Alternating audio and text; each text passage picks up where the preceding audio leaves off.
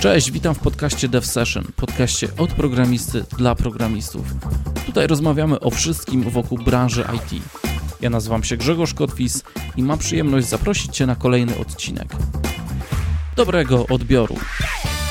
Dzisiaj zapraszam Was na rozmowę z Weroniką Mularczyk o prowadzeniu projektu open source. Weronika jest full stack deweloperem, która poznała zarówno frontend, jak i backend, a także DevOps – po pracy prowadzi bloga programistycznego pod adresem programmer-girl.com. Jest współorganizatorem wrocławskiej grupy .NET oraz prowadzi projekt open source o nazwie Dev Advent Calendar. Poza światem IT skupia się na swoim hobby, czyli planszówkach i escape roomach. Z tego odcinka dowiesz się, jak wygląda zarządzanie projektem open source, jakie są role, zadania jakie technologie w tym przypadku zostały wybrane i jak wygląda ta strona promocyjno-marketingowa, która niestety dla nas osób technicznych jest tą cięższą do ogarnięcia. I na koniec, czy warto udzielać się w takim projekcie? Jakie benefity można czerpać? Na początek jednak podziękowania dla moich patronów, którzy wspierają ten podcast poprzez portal Patronite. Jednym z nich jest Dotnetos – trzech facetów, którzy stworzyli własną społeczność w świecie wydajności.net. Autorzy kursów, maniacy programowania i organizatorzy konferencji. Odwiedź ich stronę internetową dotnetos.org i sprawdź, co dla Ciebie przygotowali. Ruszyłem z nowym projektem Pierwsza praca w IT. Jest on skierowany do osób wchodzących na rynek pracy, starających się o pierwszą posadę, staż, ale również i tych, którzy już są w IT i chcą nadal się rozwijać. Już teraz można zapisać się do newslettera, poprzez który dzielę się wiedzą głównie związaną z umiejętnościami miękkimi. Ponieważ bycie programistą to nie tylko znajomość języków, frameworków i narzędzi. Wiem, że na początku kładziesz na to największy nacisk. Chciałbym Ci pokazać, że bycie programistą to zdecydowanie coś więcej. Porozmawiamy o takich tematach jak komunikacja, przygotowanie do rozmowy kwalifikacyjnej, budowa wizerunku w sieci, gdzie i jak szukać tej pierwszej pracy. Gorąco zachęcam Cię do wejścia na stronę pierwszapraca.it, zapisania się na newsletter i zdobywania tej wiedzy już dziś. A teraz zapraszam już na rozmowę. Dobrego odbioru. Cześć Weronika. Cześć. Jak tam pogoda we Wrocławiu? Słoneczko świeci. E, na Pomorzu także. A ciepło czy zimno? Gorąco. Piłam kawę na balkonie, cieplutko. Mhm, no bo u nas jest e, słońce, ale mamy tak gdzieś w cieniu 12 stopni, czyli to nie jest takie yy, wcale fajne uczucie.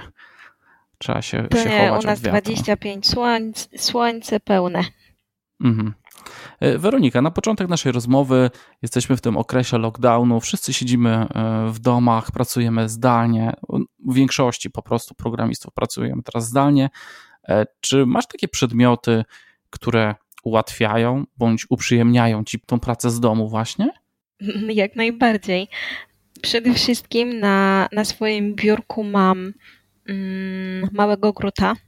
Grut zawsze, zawsze na mnie patrzy, grut ma tarczę uśmiecha się do mnie, więc jest taką pozytywną, mm, takim pozytywnym elementem każdego dnia.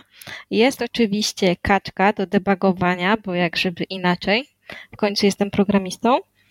E, I jeszcze mam taki cytat motywujący troszeczkę, e, taki, który często mi przypomina o tym, żeby e, nie starać się być lepszym od innych, ale być najlepszym, jak się tylko umie. Więc nie chodzi mhm. o to, mhm. żeby konkurować z kimś i być od niego lepszym w tym czymś, tylko po prostu być najlepszą wersją siebie. Okej, okay, znam e, ten No cytat. i oczywiście... Okej? Okay? Mhm. Oczywiście jeszcze? mam jeszcze, e, mam jeszcze y, czołgi, czołga, znaczy się czołg. E, na szafce obok mam złożony e, czołg z klocków i wycelowane we mnie karabiny. Uhu, groźnie, tak. Tak, uhu, groźnie. Uhu, groźnie. Słuchaj, a ten gród, o którym... Gród, tak, tak dobrze mówię? Mały y, gród. Co to jest? Mhm. To jest taka figurka. Z, to jest postać y, marvelowska. A, okej. Okay. No ja nie, totalnie nie jestem w temacie, więc y, wolałem zapytać i też może nasi słuchacze, żeby wiedzieli, że to, to jest figurka Marvelowska, Strażnicy tak? Galaktyki. Tak Strażnicy jest. Strażnicy Galaktyki. Okay. To jest ze Strażników Galaktyki, to jest postać fikcyjna, żeby nie było. E, tak, ale to jest bardzo fajny, mały człowieczek ala drzewko. Mm, no, ubóstwiam go w skrócie. A, chyba kojarzę. On często można spotkać jako pojemnik na długopisy? Tak jest, albo na trawkę, bo to też jest opcja, że tam wiesz, jest ziemia, dajesz jakąś trawkę, albo rzeżuchę, albo szczypiorek okay. i ma taką bujną, e, bujną fryzurę. Dobra, dobra, już jestem w domu. Już wiem o co chodzi, już sobie wyobraziłem. Widziałem go gdzieś w telewizji czy w marketach nawet. No, chyba raczej. Okej, okay, czyli otaczasz się przedmiotami, które jakoś tam umilają ten, ten czas spędzany w domu e, przy komputerze. Ja czy coś ja coś takiego mam? No ja lubię zawsze mieć jakiś kubek z herbatą, co, coś do picia pod ręką, żeby tak mhm. tak sobie nie musieć biegać do kuchni, tylko sobie odsapnąć, wziąć łyczka i dalej do kodu, jak to mówią. Mhm.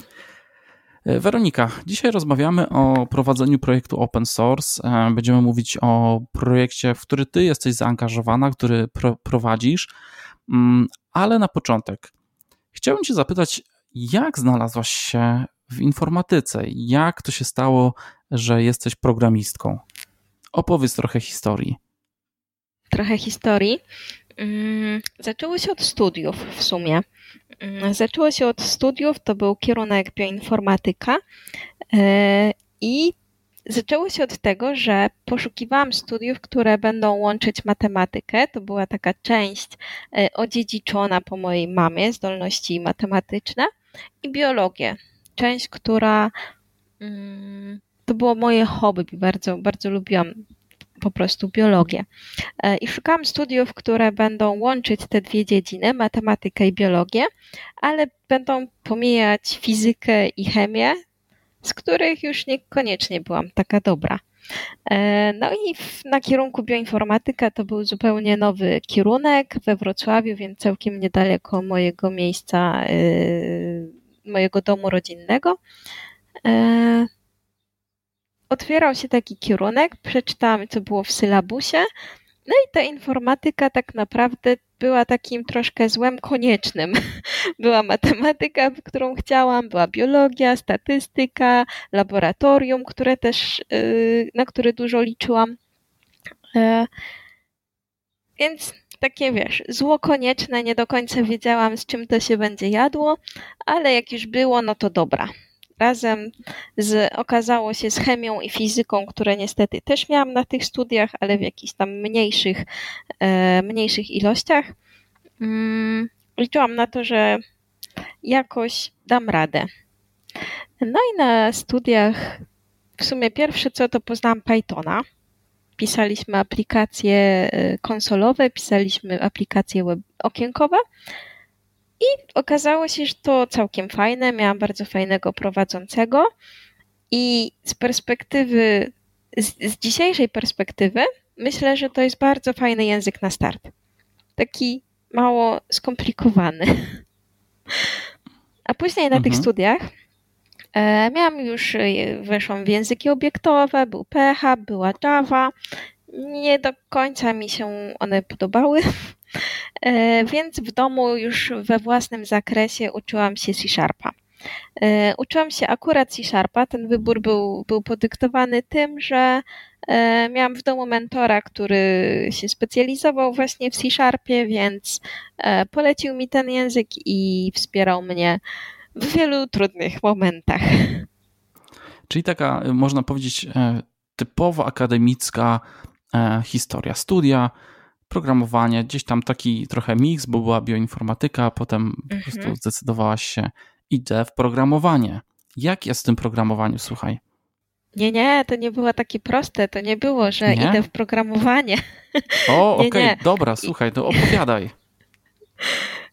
Bo w momencie, gdy szłam na, te, na tą bioinformatykę, to, to plan był taki, że będę pracować w laboratorium. Po ci ludzie w laboratorium noszą takie fajne, białe fartuszki i, i pipetują i, i robią fajne rzeczy. znajdują różne leki, sekwencjonują DNA i tak dalej. No, ale na szczęście chodziłam na praktyki. Bardzo starałam się być zajętym studentem. W wakacje uczęszczałam na praktyki i okazało się, że laboratorium to jednak nie było to. Bardzo mi się tam nudziło. E, to była bardzo powtarzalna praca e, i wiedziałam, że dłużej nie dam rady tak pracować, w sensie, żeby to był mój pomysł na moją karierę. A z drugiej strony, podczas zajęć na uczelni dowiedziałam się, że programowanie jest w sumie ciekawe, że ciągle się można rozwijać, jest ciągle coś nowego.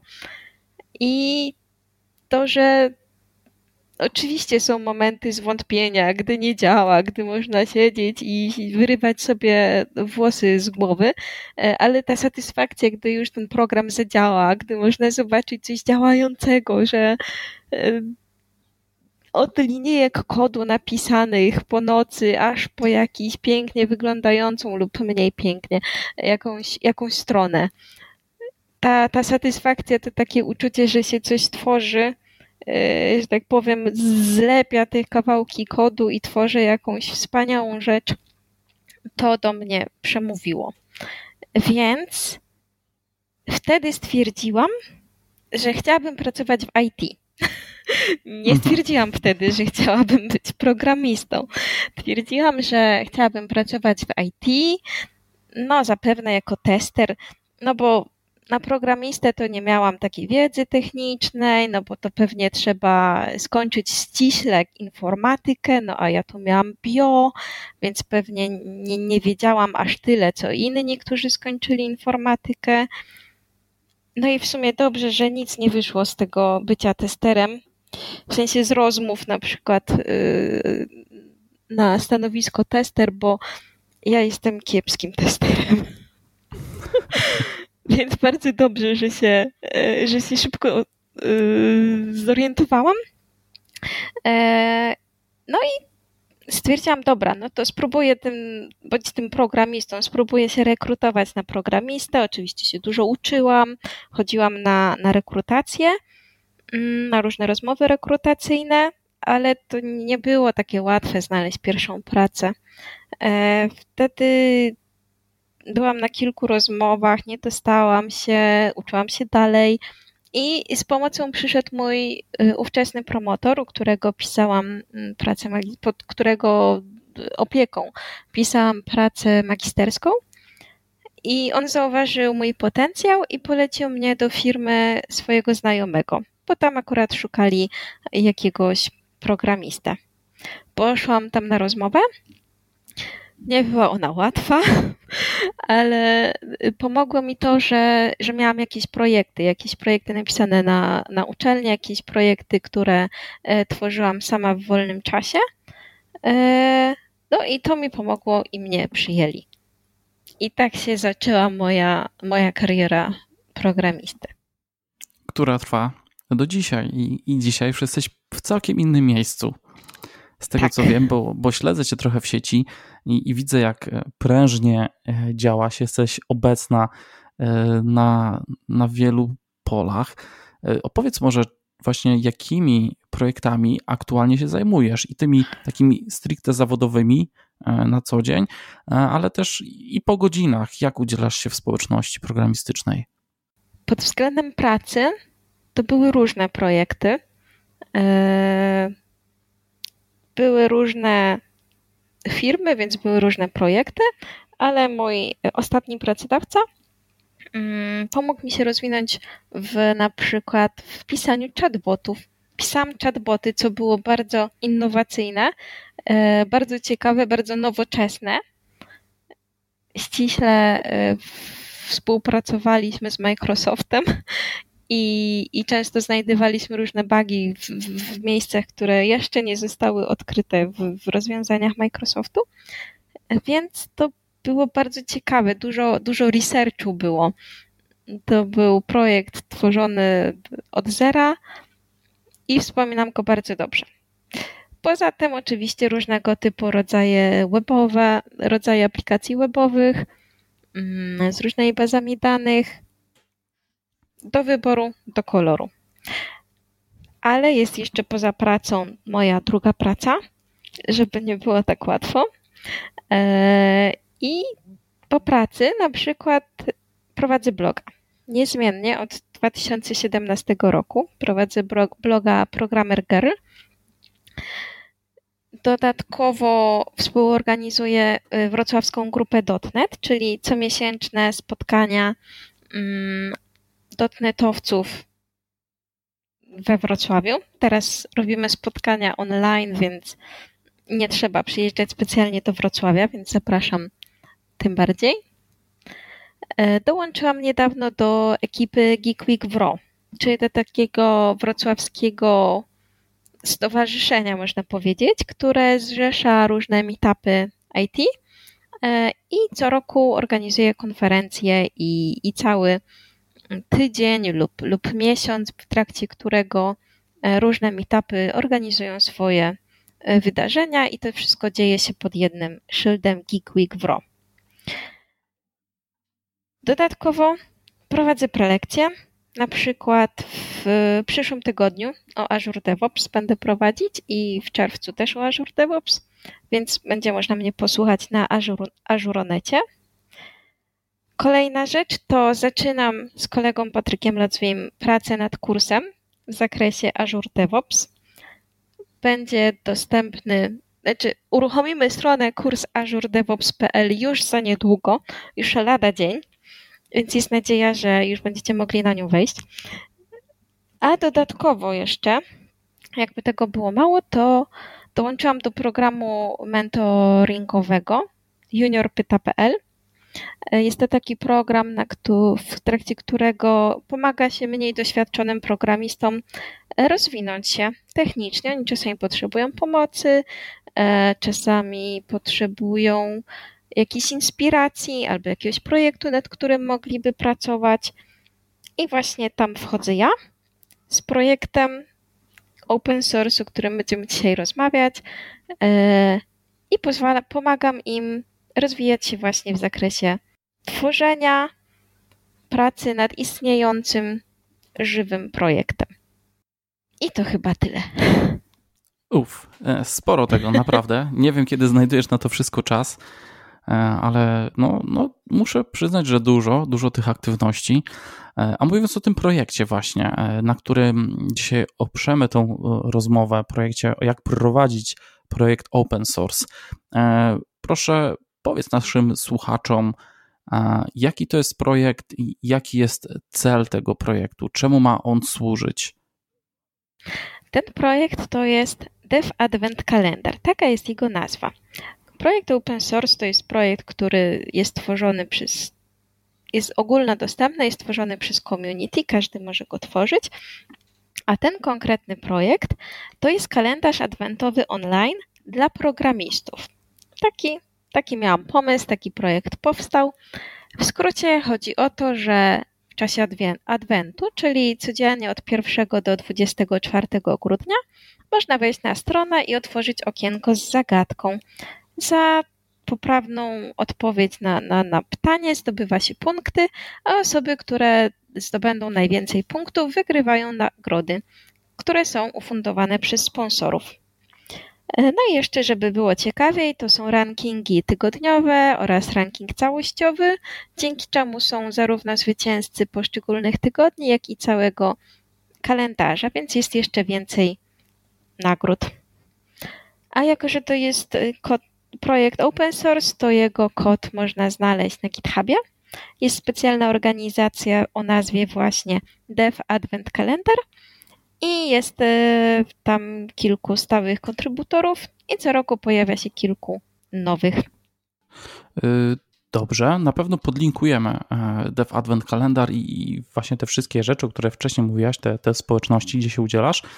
E, Dev Advent Calendar, projekt, który można powiedzieć, odpalany jest na jakiś taki specyficzny okres czasu, czyli gdzieś ten pierwszy, 24 e, dzień grudnia, ale ten projekt żyje cały czas, tak? Bo to nie jest tak, że zamykacie go i teraz dobra, 1 grudnia trzeba otworzyć i, i zobaczyć, co tam się dzieje, więc no, porozmawiamy za chwilę o, o, tym, o tym cyklu jego życia, co tam się u Was dzieje. Zacznijmy od staku technologicznego, bo to myślę, że zawsze jest takie fajne, takie geekowskie, jaki tam macie stack, a może akurat już jakiś kontrybutor zaraz wejdzie i, i zacznie i dołączy do Was. Opowiedz, co tam w trawie piszczy? Ze względu na, e, na moje doświadczenie, moje zaplecze dotnetowe, e, skupiamy się tam aplikacji, piszemy w, w C Sharpie. Wykorzystujemy najnowszy .NET Core 3.1 e, i na froncie jest zwykły Razor. Dodatkowo staram się bardzo, żeby ten projekt był dopracowany, tak jakbym sama chciała tworzyć projekty, więc my tam piszemy testy, jest XUnit, używamy Swaggera do dokumentacji API, e, mamy statyczną analizę kodu, czyli StyleCop, FXCop, mamy CI/CD, z czego jestem bardzo dumna, jest Entity Framework, MS oraz Docker. Więc wydaje mi się, że całkiem ciekawe i w miarę na topie rzeczy w miarę na topie, dopóki nie wyjdzie nowa wersja .NET Core'a. Mhm. No tak, to, to, już niedługo na piątkę e, będziecie pewnie e, szli. Mm, chciałbym zapytać, czy miałem pytanie o ten stack. Okej, okay, e, a gdzie jest hostowany ten projekt? Jest Docker i potem gdzie to jest wypychane? Gdzieś na Azura? Gdzieś czy na jakiś normalny nie, hosting? Nie, Jak to serwer. wygląda? Macie mamy, serwer. Mamy własny serwer. Mhm. Mhm. A jeśli chodzi tak o architekturę, jest. to jest taki monolit, e, czy tam taki jakiś wielowarstwowa, czy może już mikroserwisy? Jak to wygląda u Was? Jest tam wiele warstw. Tak, w mhm. mikroserwisy nie poszliśmy. Mamy e, jeden zewnętrzny serwis do wyliczania mm, punktów mhm. w różnych tam rankingach tygodniowych i, i, i ogólnych. E, ogólnie jest to po prostu architektura wielowarstwowa, mamy, mamy API, mamy serwisy, mamy repozytoria, tyle. No, bez mhm. kombinowania. Ten no projekt też trzeba podkreślić, że mm, powstał już jakiś czas temu, bo on już ma trzeci, tak, trzeci rok. Więc tyle. No tyle. Nie, wie, wiesz, nie chcę jakby tutaj, e, żeby to zabrzmiało, że jakoś tak wytykam, że może architektura nie jest jakaś fancy, fajna. Po prostu jest taka, jakie są potrzeby i tyle. To się mhm. sprawdza, to działa i nie ma co tutaj e, wiesz, teraz mówić, że o, zrobimy 20, sztucznie będziemy wydzielać mikroserwisy, żeby tylko mieć je, nie? No to, tak, to chyba tak. też było bez sensu, nie? Tak, nie ma co komplikować spraw. Przekombinowywać nie ma co, jak najbardziej, ale ostatnio dołączył do zespołu nowy członek, który powiedział, że hmm, może fajnie byłoby e, zrobić tutaj CQRS-a. Mhm. No i zobaczymy. Bardzo fajnie, że ktoś, ktoś nowy przyszedł, ktoś nowy ma jakieś doświadczenie w danym temacie i chciałby wypróbować na innym projekcie coś takiego. Więc to, że ta architektura wygląda teraz w ten sposób, nie znaczy, że tego nie zmienimy. Jestem bardzo za tym, żeby projekt się rozwijał, żeby go przekształcać w coraz nowsze i lepsze wersje. Tylko niestety też trzeba liczyć siłę na zamiary i to, że działający produkt jest niezbędny do tego, żeby przeprowadzić inicjatywę Dev Advent Calendar. No, dokładnie. Pomimo, że macie ten taki bufor czasowy rzeczywiście pomiędzy tymi edycjami, no to, to też y, nie ma co nam grzebać i w październiku nagle, czy tam w listopadzie e, kończyć całą transformację na przykład właśnie nie, do e, nowych technologii. No trzeba to wszystko dobrze e, przemyśleć i, i zaplanować, ale fajnie, że takie rzeczy się dzieją, bo też taki projekt myślę daje wam taką trochę swobodę właśnie różnych decyzji, wyborów. Co do technologii możecie właśnie podnieść wersję, przejść na coś innego, bo, bo, bo tak, bo możecie, nie? Bo no co złego też może się stać. To nie jest tak, że on dzień w dzień zarabia kasę i nagle jak stanie e, produkcja, to się wszystko e, zawali, nie? Tu macie taką fajną, pewną, pewną swobodę.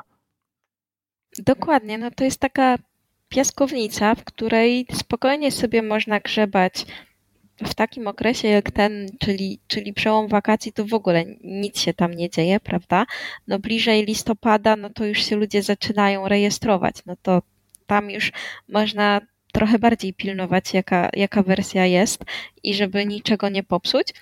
Mm, ale tak, właśnie o to chodzi, że to jest takie bezpieczne miejsce, w którym sobie można e, rozwijać się, popełniać błędy, bo na błędach to jest oczywiste, że popełniamy błędy i na błędach się uczymy, więc to jest nieodłączny element naszej nauki.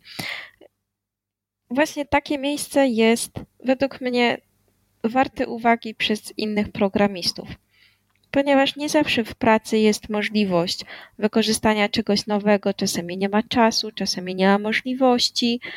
No i tam na przykład jest aplikacja, jak mówiłeś, która zarabia pieniądze dzień w dzień, więc nie każde każde wprowadzenie baga to jest ileś tam problemów. A tutaj, dopóki nie, nie ruszymy z nową edycją, to można sobie bezpiecznie komplikować życie i wybierać różne, różne metody do tego, żeby się rozwijać. Mhm. Wypróbowywać nowe rozwiązania. Pewnie. E, projekt, jak to projekt e, informatyczny, na pewno posiada e, jakieś role w sobie, raczej role. No mówię tutaj o zasobach.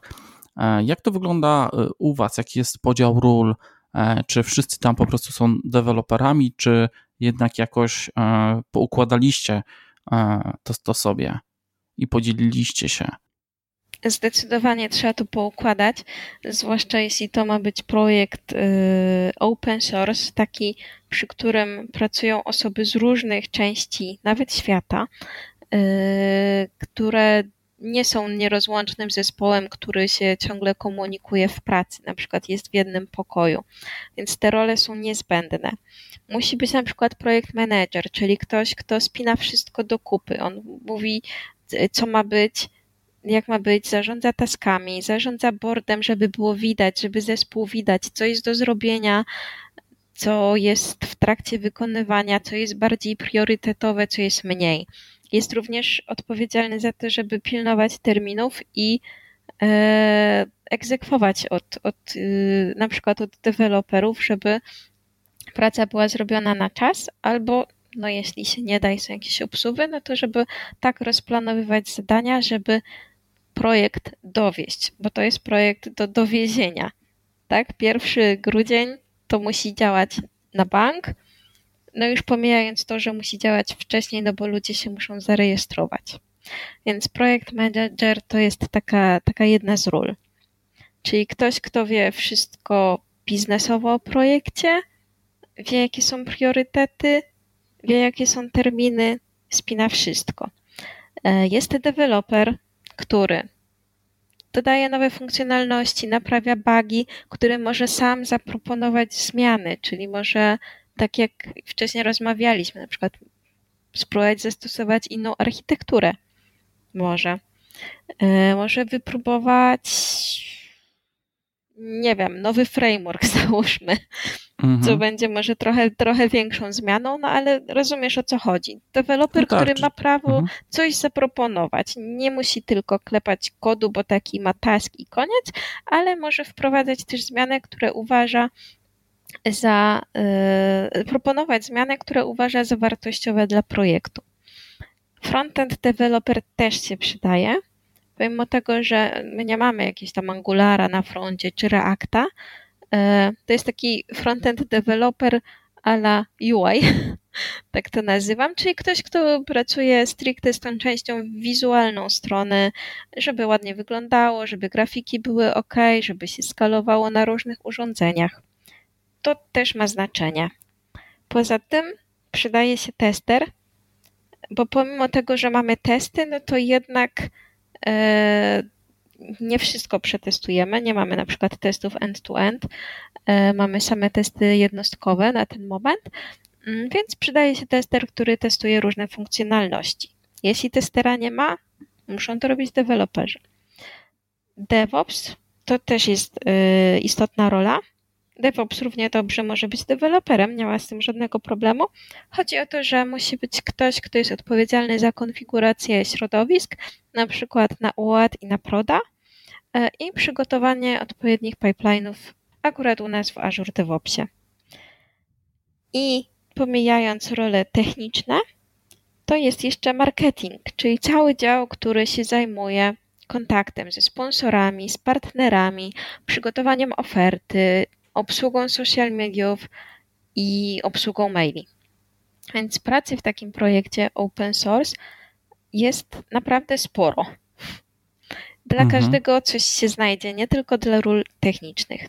No, cieszę się, że wspomniałeś właśnie o tym e, marketingu, bo nie, nie zapominajmy, że ta miękka strefa, ta strefa właśnie marketingowa, e, to jest coś niezbędnego. Bez tego e, projekt jest, można powiedzieć, nieznany, troszkę taki zapomniany, zakurzony.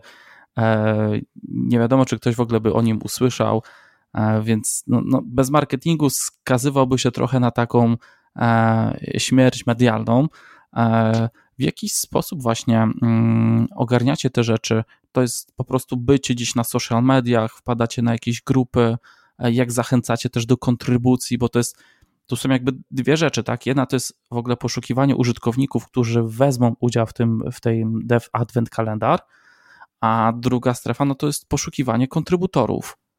Tak, to są dwie zupełnie, zupełnie różne, y, różne rzeczy, ponieważ poszukiwanie użytkowników tak naprawdę z mojego punktu widzenia jest w miarę proste. mamy mhm. stałych bywalców y, z edycji poprzednich, y, mamy różne reklamy, na social mediach, głównie na przykład na Facebooku. Pozyskujemy również czy szerzymy informacje o tym y, konkursie na różnych zewnętrznych stronach. Mamy banery reklamowe, na przykład na dotnetomaniaku, na devsi.pl. Byliśmy ble, ble, ble, sorry. Ble, ble, ble. No byliście po prostu w różnych pewnie kanałach, e, gdzieś tam o was e, wspominano, ale to jest też właśnie ta działka, za którą ktoś w projekcie musi odpowiadać. Słuchaj, trzeba teraz uderzyć, poszukać patronów, sponsorów, i tak dalej, tak bo jest. bez tego po prostu robimy coś, co w ogóle nie, nie pójdzie na, na świat i nikt z tego nie skorzysta. Patroni i sponsorzy to jest jeszcze osobna rzecz. Więc jeśli, jeśli chodzi o patronów, to zwykle mamy grono osób, no głównie ze świata IT, które, które znamy, które są e, w jakiś sposób rozpoznawalne i z niej bardzo chętnie nawiązujemy współpracę, dzięki czemu e, no, wszyscy korzystamy.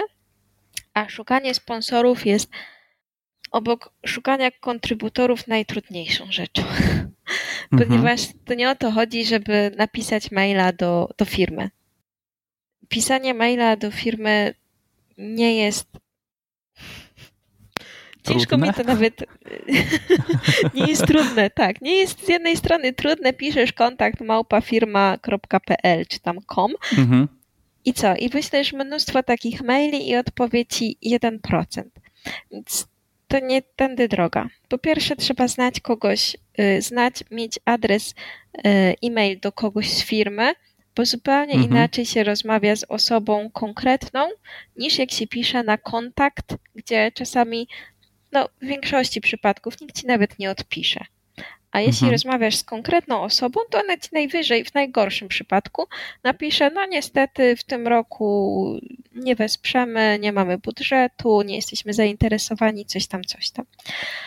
Więc po pierwsze, trzeba mieć kontakt do konkretnej osoby w konkretnej firmie.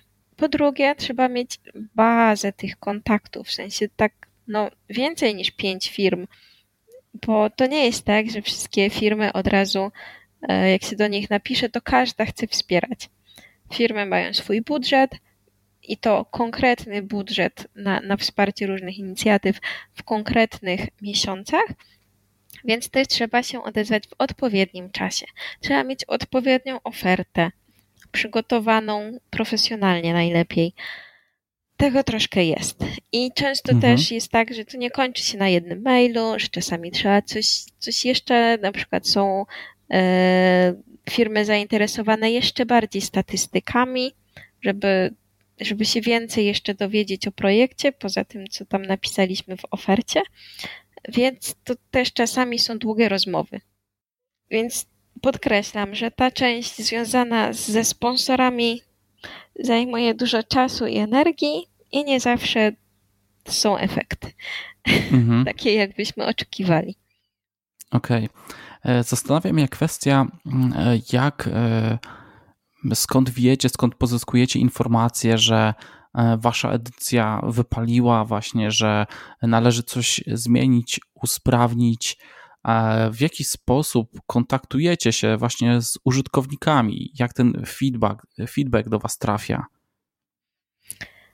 Więc za, po każdej edycji to, co robimy, to wysyłamy ankietę. Projekt się kończy, wysyłamy nagrody, dziękujemy wszystkim, robimy podsumowanie i w takim mailu podsumowującym cały, cały, całą edycję wysyłamy również link do ankiety z prostymi siedmioma pytaniami, całe cztery minuty wypełniania na temat projektu.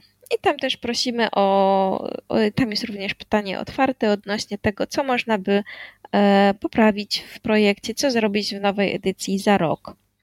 I niestety, z przykrością muszę to mówić, ale odpowiedź na takiego maila, w sensie wypełnienie takich ankiet, u nas procent wypełnialności, nawet nie wiem, czy tak można powiedzieć, ale mhm. procent odpowiedzi na ankiety to troszkę ponad 2% z, z ponad tysiąca aktywnych osób, czyli aktywnych osób, które dotrwały do końca kalendarza, pomijając, że już mail poszedł i tak do jeszcze większej liczby osób.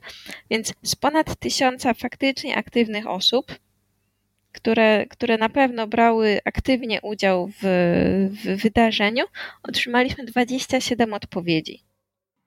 Nie jesteśmy jedynym przypadkiem. Taki problem sygnalizował też y, Paweł Łukasik, organizator dev warsztatów. On miał akurat 13% odpowiedzi. No i tutaj taki apel, bo ludzie bardzo lubią brać udział w darmowych wydarzeniach i ja też lubię. Tylko niekoniecznie chcą potem coś, coś od siebie dać. Ten, ten feedback na samym końcu, ten feedback 4 minuty wypełniania ankiety to jest jedyna forma zapłaty, w takim cudzysłowie, jakiej organizatorzy oczekują. Bo, bo jak zrobić lepszy produkt, lepsze warsztaty, e, lepszy kalend- Advent kalendar, jak, jak nie będziemy wiedzieć, na czym tak naprawdę użytkownikom zależy. Więc niestety procent odpowiedzi jest niewielki, ale i tak z tych, co odpowiadają, e, zawsze zapisujemy, zawsze sprawdzamy, jakie mamy odpowiedzi. Jest, są zwykle e, propozycje, co można by zmienić, co można by usprawnić, co nowego można by zrobić w przyszłej edycji. E, I jak najbardziej się w miarę możliwości dostosowujemy do tych życzeń użytkowników. W tamtym roku na przykład zgodnie z oczekiwaniami użytkowników zrobiliśmy powiadomienia mailowe, e, żeby powiadamiać e, użytkownika o tym, że za niedługo otworzy się okienko, bo osoby zapominały. Na przykład tyle. E, w tym roku bardzo się podobały zagadki wymagające szukania czegoś w kodzie strony. Może w przyszłym roku też powstaną. Są propozycje nagród, są propozycje, żeby można było odpowiadać, y, żeby więcej niż jedna poprawna odpowiedź była kwalifikowana. Nie wiem, czy rozumiesz, co mam na myśli. Rozumiem. Rozumiem, rozumiem. A trochę, trochę mnie przeraziło. Rzeczywiście to jest e, masa pracy, byście chcieli się skupić na tych stronach e, technicznych prowadzenia projektów, a tutaj no, ta strona marketingowa, bo to tak naprawdę Dev Advent Kalendar jest e, jest takim, nie wiem czy dobrze to nazwać, takim produktem całym, można powiedzieć, tak? Bo jest y, ta technologia, wszystko, ale to jest dla użytkowników, nie? Czyli musi być ten marketing, muszą być takie tak. trochę tej sprzedaży, e, sponsorzy, patroni, żeby ta cała machina e, ruszyła. Weronika, słuchaj, ale pogadajmy troszkę jeszcze teraz o tej stronie technicznej.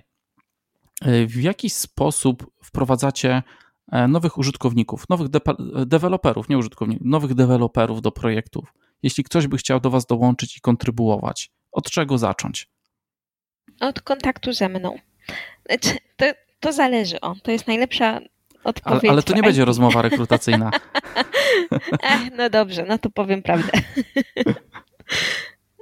W większości przypadków, jeśli e, jakiś nowy deweloper chce zacząć e, pracę długotrwałą nad projektem, na przykład e, w ramach Junior Pyta, to najpierw kontaktuje się w jakiś sposób, na przykład do mnie pisze maila, albo do mnie na Facebooku, albo na innych socialach, albo na GitHubie, coś w ten deseń. Ja zwykle umawiam się na rozmowę na jakiegoś, y, na jakieś połączenie mm, online. Rozmawiamy sobie y, o projekcie, dowiaduję się, kim jest dana osoba, w sensie y, jak chciałaby się rozwinąć, czemu chce wziąć udział w takim projekcie. Więc nawiązujemy jakąś, jakąś więź, ja trochę opowiadam i w miarę możliwości co jakiś czas synchronizuję się z daną osobą, e, sprawdzam, czy ma jakieś problemy, a ta osoba sobie e, powolutku robi różne zadania z GitHuba w projekcie. Ale są mhm. też zupełnie inne osoby, które chcą sobie zrobić na przykład jedno zadanie. W sensie mają wolny czwartek wieczór, idą na GitHuba, patrzą na listę issuesów na Dev Advent Calendar i stwierdzają, że sobie zrobią jeden. Nie ma nikogo przypisanego do zadania, więc zwykle to wygląda tak, że zadają pytanie, czy to jest ciągle do, do zrobienia, czy to jest aktualne. Odpisuję w, w komentarzu, że jak najbardziej można brać i można robić. Dana osoba e, wprowadza zmiany, tworzy sobie własnego brancha, robi zmiany e, u siebie lokalnie i wystawia pull requesta.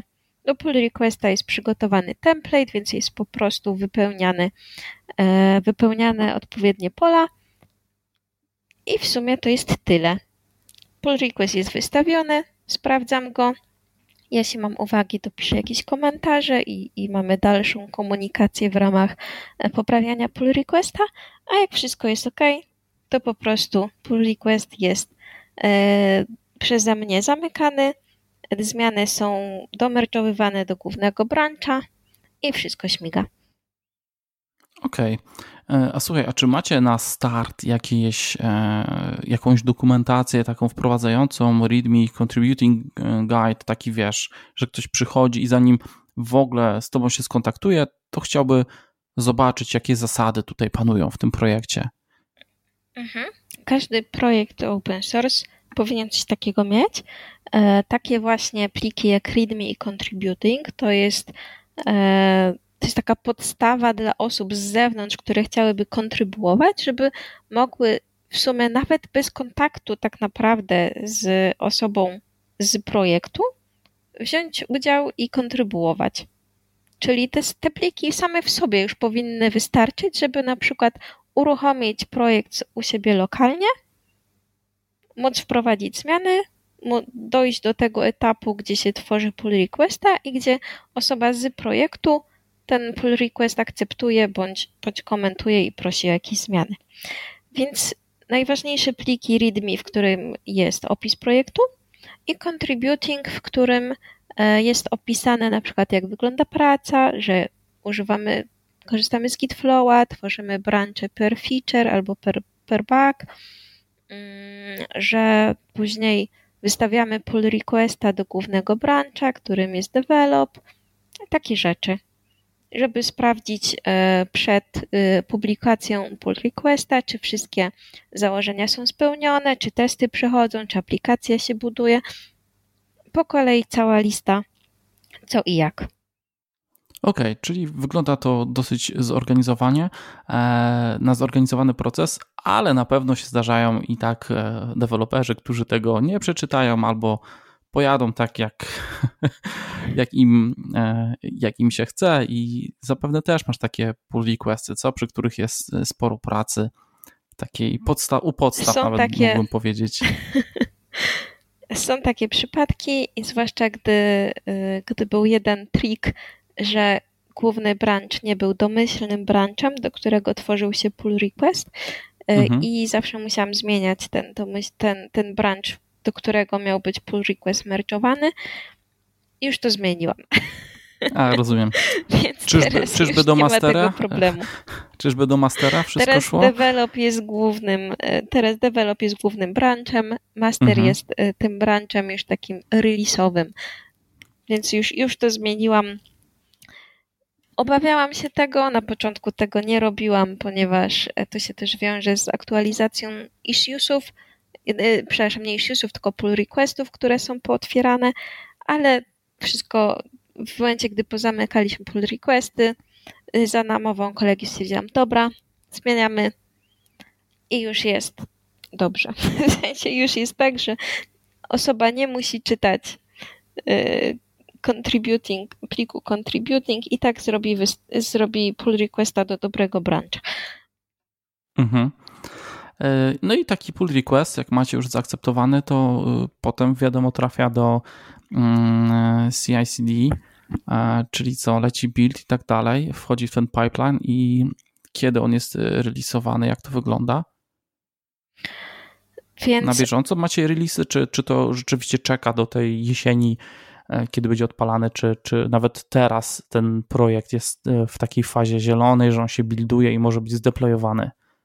Nie, nie, buildować się builduje, aczkolwiek nie releasujemy go po każdym merge'u do brancha, do developa, czyli do mhm. naszego mhm. głównego brancha, na którym pracujemy. E, nie, mamy osobne brancze, branch y, do UATA, czyli do środowiska testowego e, i osobny y, pipeline do mastera, czyli do produkcji. I w momencie, kiedy wrzucamy zmiany na, dane, na danego brancha, wtedy automatycznie e, wykonuje się release.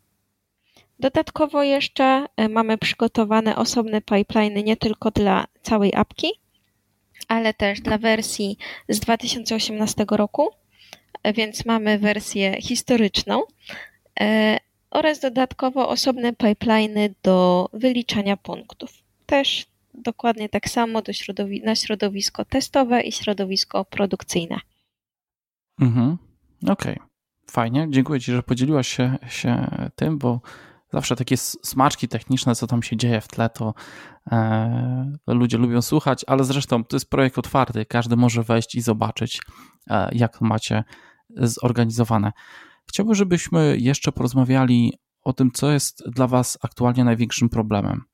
Czy to jest czas, bo wiem, że projekty open source robione po godzinach zajmują sporo czasu, czy może ludzie, czy zasoby, właśnie brak e, po prostu właśnie wsparcia w postaci choćby kasy, no bo umówmy się, nie wszystkie serwisy, hostingi i tak dalej e, są za darmo.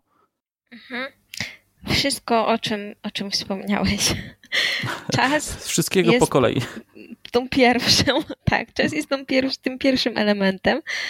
No, trzeba odpowiednio się zorganizować. To jest taki projekt, który tworzymy po pracy, po godzinach, w zmiennym składzie ciężko jest zaplanować, ile tak naprawdę czasu można poświęcić w danym tygodniu. E, bywa, że czasami mamy dobre chęci, ale coś wypadnie, no i, i nie uda nam się zrobić wszystkiego, co planowaliśmy. Z drugiej strony są ludzie, każdy z nas ma zupełnie inne priorytety, ma zupełnie inny tryb życia, w różnych godzinach pracuje, w różnym stopniu się angażuje w, w inicjatywę. I to jest bardzo istotne, żeby uszanować, nawet jeśli ktoś robi, nie wiem, godzinkę tygodniowo albo godzinkę miesięcznie, żeby uszanować w ogóle, że wykonał jakąś pracę, no i mierzyć siłę na zamiary. Bo często jest tak, że plany są ogromne, ale niestety nie ma komu robić. Więc nie można zrobić fajerwerków, jeśli się później okaże, że nie dowieziemy nawet jednej piątej projektu w bieżącym składzie. No i oczywiście zasoby, czyli ta kasa. Na początku wszystko fundowaliśmy sami, ale teraz na szczęście mamy sponsorów. Co roku, co roku mamy sponsorów, więc nas bardzo to cieszy. Część pieniędzy od nich przeznaczamy na przykład na hosting albo na domenę, a całą resztę na nagrody. My z tego nie mamy nic, ani złotóweczki. Jest to minus, i, I przed każdą edycją się zastanawiamy, czy na pewno chcemy to robić, czy damy radę to przeprowadzić, bo kosztuje to sporo czasu, sporo energii. No i tak naprawdę jest to po prostu nagrodą jest satysfakcja. Nagrod, nie ma mhm. nagrody pieniężnej, nie ma, jest po prostu satysfakcja. I to jest tak naj, to jest najtrudniejsza część, ponieważ no nie wiadomo na przykład, czy tegoroczna edycja się odbędzie. Ja nie podjęłam takiej decyzji i cały, cały zespół tego jeszcze nie podjął, bo to naprawdę trzeba porządnie przemyśleć, trzeba się zadeklarować. To nie jest tak, że się powie, że biorę udział, a potem po tygodniu jednak się człowiek rozmyśla, że jednak to nie. Są osoby, które robią coś z skoku, ale musi być też e, taki core zespołowy, który faktycznie zrobi, obojętne w jakim, w jakim będzie stanie projekt, że w, jakąś, jakiś MVP, czyli jakąś minimalną wersję dostarczy. Obojętne, no zdarzało mi się też siedzieć po nocach, bo był bug albo bugi, no kto, ktoś musi, żeby projekt działał. Ale żeby nie było, że to jest takie strasznie na minus, że to wszystko jest takie trudne i tak się poświęcamy, no to e, użytkownikom się to podoba. Są zadowoleni i, i nowe osoby kontrybuują, co mnie strasznie cieszy, więc to jest taka siła napędowa, że, że ktoś to docenia. Więc dla ludzi robimy to dla ludzi, nie robimy tego dla pieniędzy. Chcemy, żeby e, ludzie się rozwijali w trakcie tworzenia tego projektu. E, I to jest dla nas taki motor do działania. Mhm. A jakie ty benefity czerpiesz z prowadzenia takiego projektu? To, to jest trudne pytanie. tak. Nie, no bo wiemy, tak, no kasy nie ma. E, czasu mhm. przez to nie zyskujesz, a wręcz, wręcz przeciwnie, tak? Poświęcasz tak na to ale coś, coś jednak jest takiego, że trwasz przy tym. Tak. Y, to jest coś takiego, że można rozwijać własny projekt, nowoczesny projekt. Każdy tam ma coś do powiedzenia w tym projekcie. To nie jest tak, że klient powie A i czasami w ogóle nie można z tym dyskutować. Tu można dyskutować, można dawać nowe pomysły. Mm, pracuję z ludźmi, którzy podzielają moje wartości Czyli to, że im się też chce pracować po godzinach dla community za ten uśmiech użytkowników, za to, że, że, że ktoś coś wygra. Mogę wspierać osoby, które są mniej doświadczone, e, właśnie mentorować, które szukają takiego bezpiecznego miejsca do rozwijania się i szukają kogoś do pomocy. Więc to też jest dla mnie benefitem, że, że mogę wspomóc innych. Mhm. A już tak powoli zbliżając się do końca naszej rozmowy, słuchaj, może teraz y, zróbmy takie małe ogłoszenie. E, czy aktualnie potrzebujecie jakichś konkretnych osób? Bo może wśród naszych y, słuchaczy tutaj aktualnie jest ktoś, kto mógłby Was wesprzeć. Nie wiem, deweloper, grafik, może właśnie ktoś od marketingu. Weronika, dawaj, dajesz teraz. Trzeba i zachęcić ludzi, niech przyjdą do Was przy projektach takich jak ten, to każdy znajdzie coś dla siebie. I, I to wcale nie musi być osoba techniczna, to nie musi być deweloper. Każdy można tworzyć grafiki, można się kontaktować ze sponsorami i partnerami, można zarządzać socialami, można testować aplikacje, można robić różne promo, filmiki. Można zaproponować coś, o czym ja nawet nie pomyślałam. i o czym nie wspomniałam w tej naszej rozmowie. Można wszystko. Wystarczy tylko chcieć. Dobrze, słuchajcie, no i zachęcamy Was. Dev Advent kalendar znajdziecie na GitHubie. E, jest strona, znajdziecie pewnie poprzednie edycje, jak to wyglądały. Ja pamiętam, że chyba brałem w pierwszej udział, też jednego baga chyba zgłosiłem, e, jak to jeszcze były mhm. początki. E, raczkowała, raczkował ten Dev Advent kalendar, ale to się bardzo zmieniło od tego czasu. Fajnie się rozwijacie, kibicuję. Dołączajcie, kontaktujcie się z Weroniką, wpadajcie na GitHuba. Niech to żyje, niech to się rozwija. Weronika, słuchaj, ostatnie pytanie mam do ciebie. Mhm. Jesteś gotowa? Oj, nie wiem. Okej, okay. słuchaj, no tak opowiedz trochę o swoich planach. Jakie wyzwania czekają cię w nadchodzącym okresie czasu? Z czym tam będziesz się mierzyła? Mhm. Na sam początek będę szukała pracy. Aktualnie okay, kończę czyli, współpracę czyli... z aktualnym pracodawcą i szukam pracy. Okej, okay, czyli słuchajcie, kolejne ogłoszenie. Nie wiem, kiedy podcast się ukaże. Postaram się jak najszybciej wtedy opublikować. Weronika szuka pracy. A poza pracą, bo praca to nie wszystko, e, bardzo chciałabym gdzieś wyjechać. Jak już to wszystko się skończy, to całe zamknięcie i restrykcje, pojechałabym gdzieś na urlop, nawet na weekend żeby zmienić mhm. otoczenie. Ale poza takimi rzeczami yy, stricte rozrywkowymi, to mam zamiar wystąpić jako prelegent na konferencji. Takie mam plany. Pracuję nad kursem z Azure DevOpsa. Tutaj też będzie jeszcze dużo pracy przede mną. Mam nadzieję, że w tym roku zorganizujemy Geek Week w RO i, i zrobimy super konferencję na sam koniec tej inicjatywy. No i liczę na to, że zorganizujemy Dev Advent Kalendar 2020. Jeszcze nie wiem, to jeszcze nie jest potwierdzone. Z każdym rokiem bardzo chcę, ale z każdym rokiem coraz więcej widzę problemów. I wiem, że tylko z innymi ludźmi te problemy mogą maleć zamiast rosnąć. Mhm. Więc bardzo na to liczę, że w tym roku wszystkie problemy będą mniejsze, zbierzemy ludzi i zorganizujemy jeszcze lepszą edycję. I tego Wam życzę. Tego Wam życzę. Niech Dev Advent kalendar się odbędzie, a Tobie, żeby te osobiste Twoje plany też e, wypaliły e, z występowaniem, z rozwijaniem e, projektów i tą działalnością, którą wykonujesz dla społeczności programistycznej. Słuchaj, ale nie pochwaliliśmy się jedną rzeczą. To tak e, w ramach mhm. tego ogłoszenia. Weronika jest jednym z najświeższych MVP, czyli Microsoft Most Valuable Personal, tak? Także gratuluję, tak bo nie miałem, a gdzieś tam na, na Twitterze może gratulowałem, to teraz tutaj na antenie podcastu e, pogratuluję. Dziękuję pięknie. Także słuchajcie, teraz już nie ma odwrotu, musicie się z Weroniką skont skontaktować. No. Taka osoba nie może po prostu tak czekać na, na swoją e, kolejną rolę i pracę.